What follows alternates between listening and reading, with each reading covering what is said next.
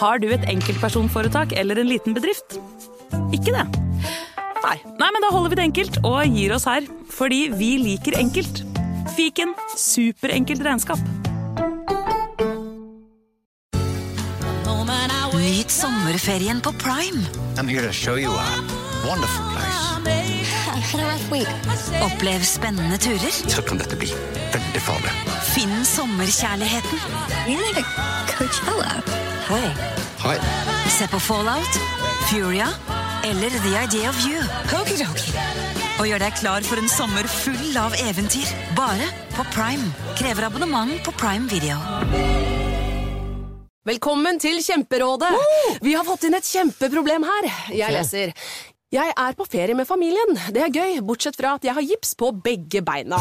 Kan ikke bade eller dra noe sted. Jeg føler meg veldig begrenset. Hilsen begrenset far. Begrenset far trenger ubegrensethet. Yes. Ja, Kanskje ubegrenset data fra 399 med familierabatt hos Telenor? Ja, det løser jo alt!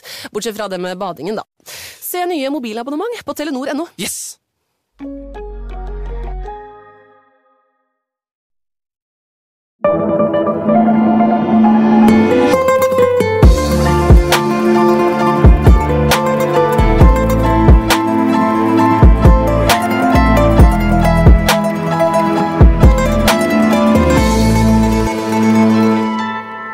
Og velkommen til en ny episode av Gangsterpodden. Mitt navn er som alltid Jim Fosheim.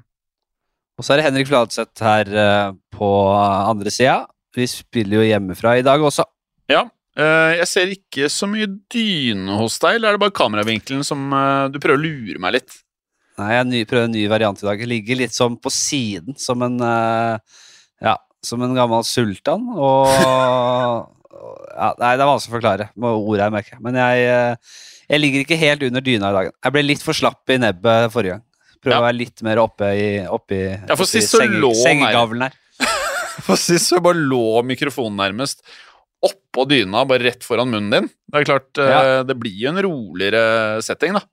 Fikk for mange klager, rett og slett. De, de, de, vi klarte ikke å vi, Jeg klarte ikke å gjøre jobben min godt nok. Det ble for slapt, og det fikk vi hundrevis av klager på.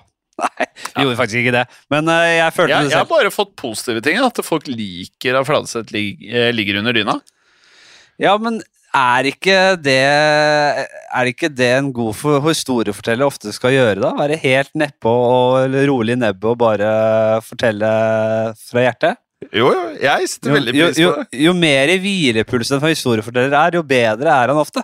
Jeg har aldri ikke Jo, det stemmer ikke. Jeg har hørt deg eh, uten hvilepuls den gangen jeg spiste potetgull i den andre podkasten din, altså Fladseth. Da var ikke hvilepuls, nei. Nei, det var en disiplinærsak, rett og slett. Det ble jo en disiplinærsak, det, på huset. Dere måtte jo inn og endre masse policyer, og det var jo et helvete styr. når Da du spiste, da du spiste sånn satsiki Nei! Nye satsiki-chipsen til Kims der, innpå, innpå der. Det ble et helvetes leven. Ja, ja, ja. Ja, ja, ja. Uansett, i um dagens episode så skal det handle om, eh, så vidt jeg vet Vi har vel ikke vært så mye innpå albansk mafia før vi, Fladseth? Ingenting. I hvert fall ikke eh, Kanskje på privaten, så vidt, men eh, ikke, eh, ikke her. Mer spesifikt så skal vi da snakke om en av de mest beryktede bossene innenfor albansk mafia, nemlig Nasir Kelmendi. Og albansk mafia defineres som organiserte kriminelle grupper med base i Albania eller i Kosovo, der etniske albanere også da utgjør en majoritet, har vi skjønt.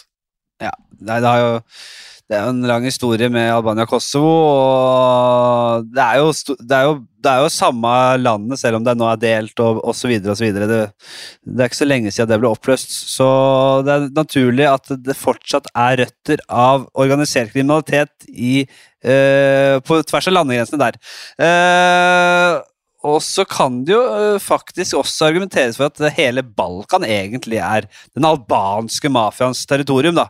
Så det, de, de, de har kontroll der nede. De har og den albanske, maf de har, ja, den albanske mafiaen er Eh, ingen samlet organisasjon heller, men består eh, lø av løst tilknyttede grupper, ofte basert på da, familier eller klaner, og de er kjent for å operere over hele Europa. Men de har også da, koblinger til USA og Asia og Sør-Amerika, så den albanske mafiaen eh, høres liten ut ved første øre, ørekast, sier man det. Ja. Men eh, de, de, de strekker seg jævla langt og, og bredt og hvitt utover her, ja. Det Stemmer det. Og mannen vi da skal snakke om i dag, eh, han leder en av de kriminelle familiene som da inngår i denne albanske mafiaen. Og hvis vi spoler tiden litt tilbake, til 2012, så ble Nasser Kelmendi han ble rett og slett svartelistet av selveste den gang president Barack Obama, så vel som amerikanske myndigheter, i forbindelse da med den eh, såkalte Kingpin Act. Kingpin Act. Og formålet til Kingpin Act var rett og slett å da hindre at druglords og andre narkoforbrytere fikk noen form for innpass i amerikansk økonomi. Og I løpet av episoden Fladseth, så vil jo lytterne da forstå eh, hvorfor Kelmendi da ble ansett som en eh, vanvittig stor trussel. Ja, dere skal få, absolutt få høre om det. Eh, altså, Kelmendi har sammen med sine tre sønner og, og øvrig familie bygget opp et kriminelt imperium, eh, noe så voldsomt, gjennom narkosalg, bedrageri, eh, bedrageri eh, hvitevasking og hele den pakka der. Og Kelmendi er et godt eksempel på den albanske mafiaens natur, rett og slett. På den ene siden svært familieorientert og lukket, men samtidig oppdatert og moderne i sin måte å drive kriminalitet på. Tette koblinger også til politikere og legitime forretningsmenn er også suksessfaktorer her. Ja, og det er jo ikke akkurat eh, eksklusivt for Kelmendi. Dette går igjen hos mange av de vi prater om. Den moderne kriminelle, Ja, det er helt riktig. som jeg, som jeg pleier å ja. Veldig bra. Eh, Men vi må jo nå spole enda lenger tilbake i tid der det hele startet. For eh, Nasser Kelmendi han ble født eh, 15. februar 1957 i Peja, eller Peja, i Liten, eh, Kosovo. liten perle, om jeg skal få, liten perle, om jeg skal få si det selv. Pekja. Herlig badeby. Ja, og Kosovo var da en del av den kommunistiske flernasjonale staten Jugoslavia. Lite er kjent om Kelmendis uh, unge år, men han dukket første gang opp i kriminalregisteret i 1976. Og som 19-åring så ble han da dømt til 18 måneders fengsel for drapsforsøk. Og da starter du i ganske ung alder, ja. Ja, Og- det er ikke så mye heller. 18 måneder. De har, har ikke så strenge straffer der nede, eller? Nei, virker kanskje ikke sånn Kommer han an på, kommer an på forsøket, si. Og Kelmendi han skal eh, ikke bare ha vært involvert i drapsforsøk, han var selvfølgelig involvert i en eh, flertalls slåsskamper, og generelt eh, stått for mye voldelig oppførsel. Ja.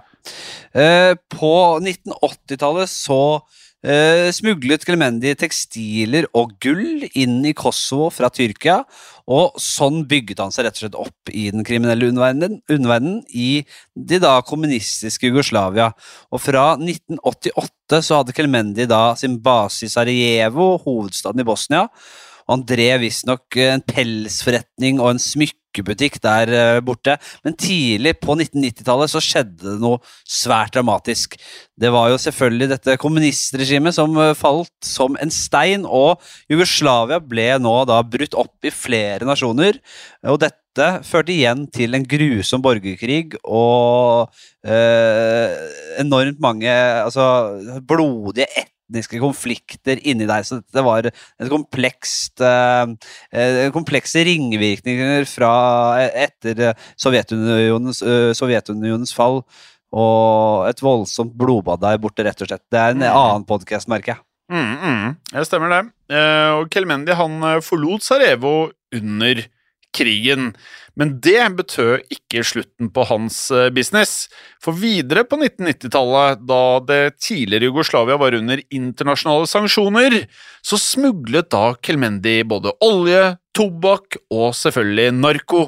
Eh, og det er også blitt rapportert at Kelmendi var involvert i også våpensmugling i forkant av krigen i Kosovo, som da tok til i 1998.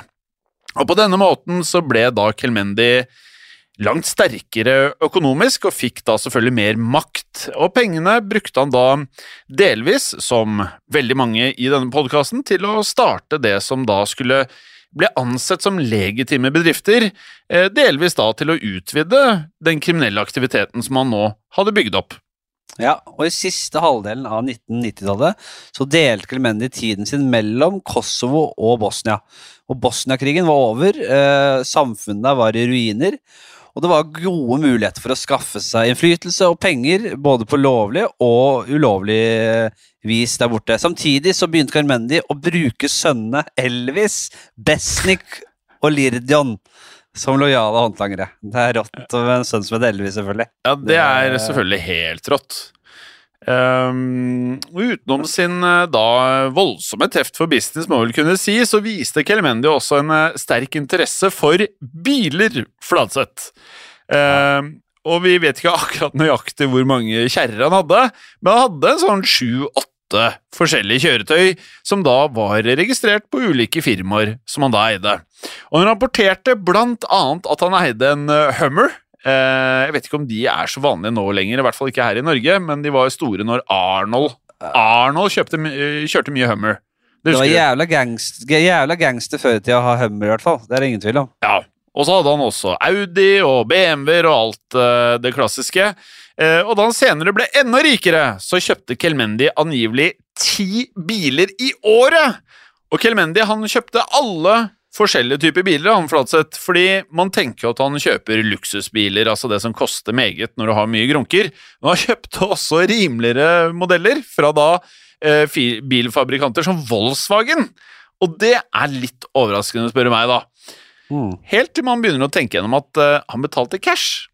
Eh, og Kelmedia da, han hadde jo ingen bokført gjeld, Uh, og disse cashene var jo selvfølgelig ting som han kanskje ikke kunne sette inn på en bankkonto. Ja, ikke sant? Og dette fikk jo naturligvis eh, myndighetene til å rynke på nesa. Her var det jo noe som ikke stemte. Og, og det var så underlig at flere av Kelmendis firmaer ikke var registrert i skatteregisteret, og ofte ikke hadde noen forretningsforbindelser. Eh, men i en eh, hva skal jeg si, krigsherjet stat som ikke fungerte helt som normalt, så var det jo lett for Kelmendi å stikke seg unna, betale seg ut av trøbbel og operere i fred likevel. Mm. Og eh, etter årtusenskiftet, Flatseth, så skulle jo da Kilmendis eh, karriere som kriminell virkelig ta av. For ifølge Interpool og også Bosnias eh, statlige byråer så skal Kilmendi ha bygget opp et kriminelt nettverk, som vi ofte nevner i denne podcasten her, som da var involvert i blant annet utpressing og store mengder, altså voldsomme volum, volumer av lånehaivirksomhet. Og lånehai for meg, det er eh, en naturlig del av å være kriminell, føler jeg. Men aller viktigst for eh, eh, nær, altså den kriminelle næringen til Kelmendi, så var det jo selvfølgelig, som det er med veldig mange andre, altså narkosmugling. Og for, eh, for det meste så kjørte han denne gjennom eh, Balkan til Vest-Europa, samt handel med eh, våpen og sigaretter fra land som Afghanistan og også Tyrkia. Ja, og Kelmendi han eh, ledet en eh, svært proff eh, organisasjon som drev med kjøp, klargjøring, transport, salg, distribusjon og store mengder heroin, ecstasy, speed og andre rusmidler. Og dette inkluderte kjemikalier som kunne brukes til å lage narko. Eh, altså eh, bestanddeler som da eddiksyreanhydrid, for eksempel, for de som er inne i det greiene der. Eh, og dette er et, eh, altså denne eddiksyreanhydriden det er et kjemisk stoff, en eh, sånn fargeløs væske med eh, ganske stikkende lukt, og det brukes vanligvis i industri, men også en ingrediens i heroin. Så det er ikke sånn at det er lite penger i det der greiene der, og ja, kanskje litt lettere å hva skal jeg si operere med, fordi det også brukes i vanlig industri, da. Ja. Dette her hadde du virkelig kunnskap om, eh, Fladseth. Eh, Kjenner min ed- eddiksyreanhydrid, ja. Det stemmer. Og disse kompliserte smugleroperasjonene til Kilmendi, det, de, altså de ble utført av et uh, veletablert og også organisert kriminelt nettverk. For uh, i nettverket var det da, som vi er godt kjent med selvfølgelig, underbosser som hadde egne ansvarsområder. Og en Asmir Kalac han styrte eh, det som hadde med narkotikabehandling og også miksing og triksing av disse narkovarene. Eh, Og Kalac han styrte også forsendelser til eh, Tyrkia, Balkanregionen og også Nederlands. Og i samarbeid med da duoen Hakija Krilic og Lir Jastrati så var dette her et velsmurt maskineri, Fladseth. Ja, så var det også en egen underboss som, da, som var distributør i Serbia, Ja. nemlig da Kelmendis sønn, ikke Elvis, men Liridion. Altså Liridion, Liridion, Liridon. Liridon, rett og slett. Kelmendis nettverk var da øh, var, altså på mange måter en familiebedrift. Uh, Kelmendis serbiske kjæreste Jasmina Babic, du hadde halvbroren Besir, og så har du fetteren Redzep. Eh, De var også involvert, hele gjengen, men det var et drap på en rivaliserende mafia som skulle skape en del trøbbel for Kelmendi. Men før vi fortsetter på den historien, så skal vi ta en kort, liten pause før vi kommer tilbake til familiebedriften. Vi ses veldig snart.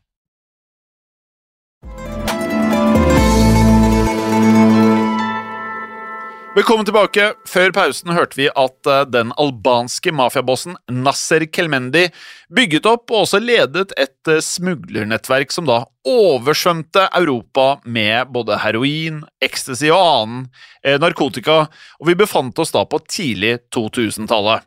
Og tiltaler mot Kelmendi og hans eh, sønner, og også andre involverte, skulle etter hvert skape enorme problemer.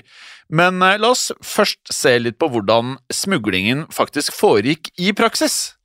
Ja, vi skal det, for det var en fascinerende operasjon, rett og slett. En av nøkkelpersonene var en, navn, en mann ved navn Celcio. Celcio Bozic. Og han var en bilmekaniker som laget skjulte hva skal jeg si, skjulte rom i skjult, skjul, altså skjulesteder i bilkupeer der man kunne gjemme narko. Og dette har vi sett. ikke sant? Små rom inni biler. der Ja, ja. Man kunne gjemme Altså, narko og andre smuglervarer. Altså, Hvis dere lurer på hvordan det her faktisk eh, Det er ganske sofistikert, ja. Eh, Så gå inn på YouTube og så google litt rundt dette her. Eh, Det er helt sjukt hva de faktisk har fått til, altså. Ja, og det er veldig mye smugling som blir gjort med sånne hemmelige eh, bil, bil, eh, altså, bilgreier, rett for å si det på den måten. Uh, mer enn man skulle tro. Det er en egen, det er egen business å lage spesialtilpassede biler for det der. Uh, og Bosic sine løsninger skulle uh, rett og slett da være spesialmodifiserte rom i bensintanker. Det var uthulede bilseter, eller da falske bunner i bagasjerom som, gjelder, som gjaldt da. Og Bosic kunne også skjule narkotika i frukt eh, eller i klær, i kasse med frukt og klær da. Ja. Det er ikke noe særlig å få en eh, banan eh, fylt med Hero, ass. Nei, vi kan, egentlig si at Bosic han var en han, Hans metode var mange. Ja, Det var det, ass. Eh, og vi må jo legge til at det var ganske Eller inntrykket vi sitter igjen med, at det var godt koordinerte smuglerruter. Eh, og her ble det jo da sendt enorme forsendelser av spesielt ecstasy-piller. Og disse ble plukket opp i Nederland og fraktet videre til Bosnia og Kosovo. Og der ble de videre pakket om og fraktet videre til byen Istanbul, som da ligger i Tyrkia, hvor ecstasy da ble byttet ut med heroin og også andre rusmidler. Og eh, narkotikaen den ble deretter fraktet fra Istanbul tilbake gjennom Bosnia og Kosovo, og deretter levert og solgt til forhandlere og også distributører over ja, stort sett hele Europa, så vidt vi har forstått. Ja, det var mye, mange ruter og byen, by, byer å forholde seg til her, men uansett, dette storslagne nettverket så, øh, øh, som da Interpol etter hvert ble mer enn klar over, nektet Kelmendi for å være involvert i, rett og slett. Han tok fullstendig avstand fra narkotikas øh, alt som hadde med narkotika å gjøre, egentlig. En uttalelse som han gjorde i en bosnisk rett, så skal han ha sagt følgende jeg hater narkotika og alt som hører med. Så han rikka seg ikke en centimeter der. Oh, nei, nei. Det, var, det er ganske rått å være så imot det også. Ja, og man kan jo tenke seg til at dette overbeviste jo få. Eh, og verken politiet eller noen i rettsvesenet trodde på dette, selvfølgelig. Men det var likevel ikke lett å finne håndfaste beviser for at Kelmendi faktisk sto bak her. Og i tillegg så hadde han en rekke, som vi da nevnte tidligere, korrupte kontakter i alle deler av samfunnet, som da hjalp han selvfølgelig da med å komme seg unna. Ja, Bosniske politietterforskere har uttalt at uh, de anser Kelemendi som usedvanlig inte- intelligent og listig. Og de påpekte ironien da i at Kelemendi kontrollerte narkotikasmugling i hele Balkan-religionen, men likevel ble behandlet med silkehansker. Et eksempel på det er som følger. Til tross for alle mistankene mot Kelemendi, så innvilget politiet i Sarajevo våpentillatelser til både Kalemendi Kelemendi og to av sønnene hans. Den ene sønnen var til og med siktet for våpensmugling på dette tidspunktet, uten at uh, politiet lot det stoppe dem. Mm. Vi har jo hørt uh, tidligere om hans interesse for uh, biler. og her er en annen variant, for i 2005 så kjøpte Kelmendi to svære SUV-er, eh, nærmere bestemt Jeep Grand Cherokeer. Ehm, og bilene fikk han da pansret i USA og sendt til Bosnia, til tross for at eh, det var et amerikansk forbud mot slike salg. Og tollerne i Bosnia skal dessuten ha sluppet bilene gjennom eh, tollen mot en uvanlig lav avgift. Men ikke nok med det. En av disse Jeep Grand Cherokeene ble registrert på mediekonsernet Avaz, som da er den største medieaktøren i Bosnia. Og slik ble det da synlig at det fantes koblinger mellom Kelmendi og eieren av Avaz, nemlig mediemogulen Farudin Radoncic. Ja, og det ble klart for eh, disse etterforskerne i Bosnia og Interpol at Klemendi hadde infisert hele det bosniske og kov, kosovo, kosvoiske, hva er det det heter? Kosviske, kosvoiske samfunnet. Samfunnet i Kosovo, i hvert fall. Og blant Klemendis partnere så fantes det politikere, militærledere, søkkrike businessfolk, tidligere statsministre osv. Og Klemendis strategi det var å investere de svarte pengene sine i en haug av legitime virksomheter. Han eide hoteller, transportfirmaer eh, firmaer og masse eiendom, og slik ble Clemendi en virkelig maktfaktor. En, en, en, en ordentlig aktør å regne med, og, og en det lønna seg å være på godfot med, da, Jim. Ja. Men selv om Kelmendi kunne operere noenlunde fritt i sin hjemland, så var han ikke fredet av politiet. For i Sarajevo så etterforsket nå politiet minst 13 anklager mot Kelmendi og sønnene hans, Elvis, Liridon og Besnik, inkludert anklager om drap, drapsforsøk og selvfølgelig store mengder med overfall. Mens Kelmendi selv aldri ble stilt for retten, så ble to av sønnene dømt for relativt små forbrytelser. Det var eldstesønnen Elvis som da erkjente straffskyld for å ha slått en mann tre ganger i ansiktet, samt å klin til en dame med knyttneven. Det var ikke tam, han Elvis. øh, det er sikkert visst. øh, Men han var Men råtass, så- altså. Ja, han var råtass, han Elvis. øh, guttungen guttungen var, var en råtass, sier vi. Men i 2007 så utstedte domstolen i Bosnia en arrestordre faktisk på Naser Klemendi. Politiet siktet han for narkosmugling og drapet på den bosniske mafiabossen Ramiz Selo Delalic. Delalic han var en bosnisk muslimsk krigsherre, rett og slett, som startet en karriere innen organisert kriminalitet etter disse krigene på Balkan. Delalic skal ha forsøkt å sabotere Kelmendis narkosmugling ved å gi bosnisk politi informasjon om Kelmendis kriminelle aktivitet. Tim. Ja, for Delalic han eh, ønsket da å kvitte seg med sin aller største rival. Så ikke bare tystet han på Kelmendi til politiet, han begynte også å dra frem eh, en god del gammelt grums, og det liker jo ikke gangstere. Eh, Bosnia hadde jo da i flere tiår vært gjennomsyret av eh, konflikter, gjerne av etnisk sort, og disse var da en utløsende faktor under Bosnia-krigen. Men mafiaen hadde alltid klart å sette de etniske uenighetene til side, og i stedet samarbeide for å tjene da mest mulig penger. Men Delalic han valgte å eh, spille på disse etniske konfliktene, for på denne måten å skape en form for splid og også diskreditere Kelmendi. Ja, og det burde Delalic aldri ha gjort, Nei, for Clemendi hyret Ja, det burde han ikke gjort, nei. Clemendi hyret nå eh, inn to beryktede serbiske leiemordere, Strahnia Raseta og Nebojza Vukomanovic, for å da rett og slett ta rotta på Delalic.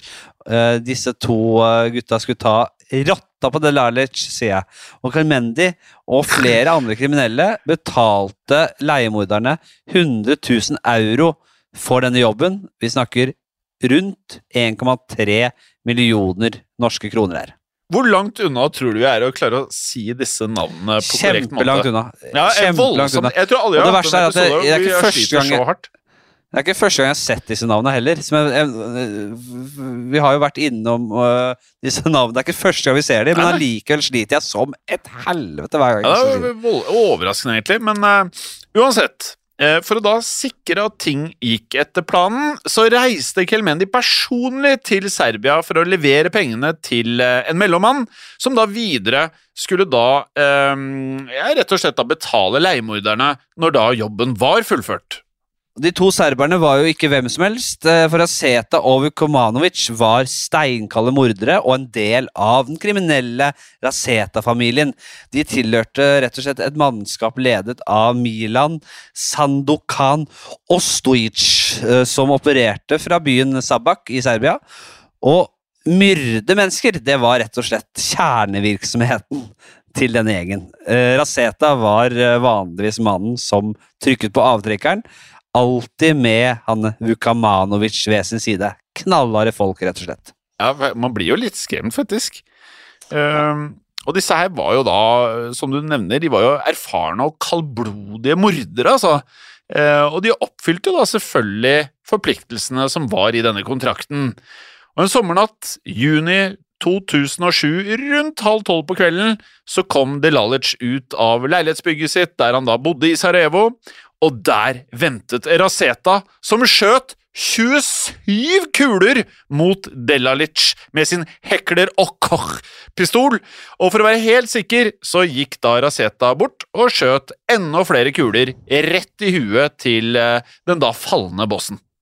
Ja, og dette mordet vakte oppsikt i Bosnia. Virkelig. Likevel så tok det flere år før myndighetene fikk nok bevis til å tiltale Clemendi for drapet. I 2012 så skulle bosnisk politi egentlig pågripe vår mann, får vi si, Clemendi, men han hadde allerede blitt varslet på dette Mhm. tidspunktet og flyktet til Kosovo. Men året etter så ble han arrestert i Pristina, som er da Kosovos eh, hovedstad. Jeg har sagt Prishne. Ja da, Prishne. Prisjne. Og rettsprosessen mot Kelmendi den tok jo da, som det ofte kan gjøre, flere år. Og Kelmendi han benektet på det aller sterkeste alle anklager mot han, og utrolig nok så ble han da faktisk trodd på flere punkter, og retten frikjente ham for faktisk da all form for organisert kriminalitet og også drap. Men retten fant han til gjengjeld skyldig i nar narkosmugling. Så torsdag 1. februar 2018 så ble Kelmendi dømt til seks års fengsel i Kosovo, og der sitter han rett og slett fremdeles. Ja, Sånn er det. Vi kan også nevne at Elvis Kelmendi, som i hele livet har vært en del av uh, farens Og så må vi, og så må vi bare må si vi har slitt med og fli, vi, vi, vi smilebåndet hele episoden. For det, Det- er bare noe med komisk med at han Elvis. Det, Det, det, er er litt sånn så barnslig av oss også. Det er liksom barnslig også, men vi har jo slitt litt med å holde oss, rett og slett. Ja, da, vi har det. kanskje- hvis- Det er noe med liksom at en farlig fyr kaller sønnen sin for Elvis. Det er noe med det, på en måte. Men hva skjedde med Elvis da, Jim? Ja, vi kan jo da nevne Han spiste seg i hjel, og han ble tjukk. Nei, og altså Elvis Kelmendi, peanut han, butter and jelly. som hele livet Som da hadde vært en del av farens mafiafamilie, var da for tiden på rømmen, siktet for eh, bedrageri og også drapsforsøk. Og i 2010 så skal da Elvis ha gått inn i en eh, stappa kaffebar i Sarajevo med en glokk i hånden, og han skjøt deretter sju ganger mot en ung bosnisk mann fra en rivaliserende kriminell familie. Offeret fikk da alvorlige skader, men overlevde faktisk. Og Interpol søker nå faktisk tips i saken for å da få Elvis dømt for disse ugjerningene. Om dette skjer, det får jo bare tiden vise, Flatseth. Så det var historien om Kremendi eh, og hans sønn Elvis, eh, rett og slett. Og første dykk inn i albansk mafia, som spenner over hele verden. Som vi, vi kommer til å komme tilbake til eh, den gjengen der, det er ikke noe tvil om. Uh, er det noe mer vi skal si da, Jim? Ja, jeg må jo ta for meg ukens gangsterlåt, da. Ja, det må du selvfølgelig. Ja, det er jo selvfølgelig Hall of Fame med MC Kresha, som da er en av Kosovos eh, mest populære rappere. Imponert? Det er ikke verre. Imponert? Nei, men da får vi et lite, et lite møte med, med kosovosk uh, musikk òg. Eller rap. Er Altså, jeg legger den bare til ASAP rett i eh, Gangsterpodden sin eh, spilleliste på Spotify. Eh, gå gjerne inn på Spotify, fordi nå kan man da rate Gangsterpodden også. Gjør gjerne det. Rate oss også på iTunes hvis du ønsker det. Du kan følge oss på Instagram, hvor vi heter Gangsterpodden. Og vi høres som vanlig neste uke, vi. Med mindre du har fått en sønn som heter Elvis, som ble så bitter og mislykka at han skøyt opp en kafé, og nå er han død, og du død, og hele familien din død. Og du det så med fiskene. Keep it gangster. Ha det bra.